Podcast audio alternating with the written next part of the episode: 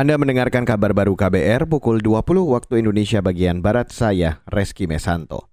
Saudara ekonomi Indonesia pada kuartal pertama tahun ini tumbuh 5,01 persen. Menko Perekonomian Erlangga Tarto mengklaim pertumbuhan ekonomi nasional mampu mengungguli sejumlah negara seperti Cina, Amerika Serikat, dan Jerman yang tumbuh 4 persen.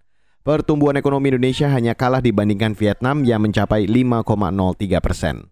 Dari segi pertumbuhan ekonomi global tahun ini diperkirakan 30,6 sampai 4,5 persen.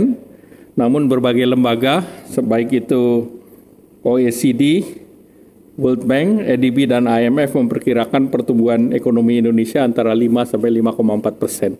Jadi Indonesia pertumbuhan di atas uh, rata-rata uh, pertumbuhan ekonomi global.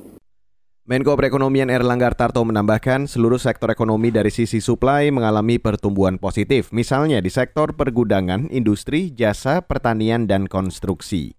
Begitu juga sektor ekonomi dari sisi penawaran seperti konsumsi rumah tangga.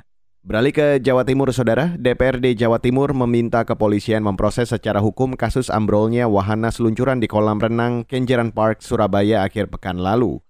Anggota Komisi Bidang Kesejahteraan Rakyat DPRD Jawa Timur, Hadi Dediansyah mengatakan, peristiwa ini juga harus jadi koreksi bagi Pemprov, terutama terkait pembinaan dan pengawasan lokasi destinasi wisata. Pengusaha juga harus bertanggung jawab atas keselamatannya. Jadi dalam hal ini, baik penegak hukum maupun pengusaha yang terkait harus bertanggung jawab. Hukum pun harus bertindak.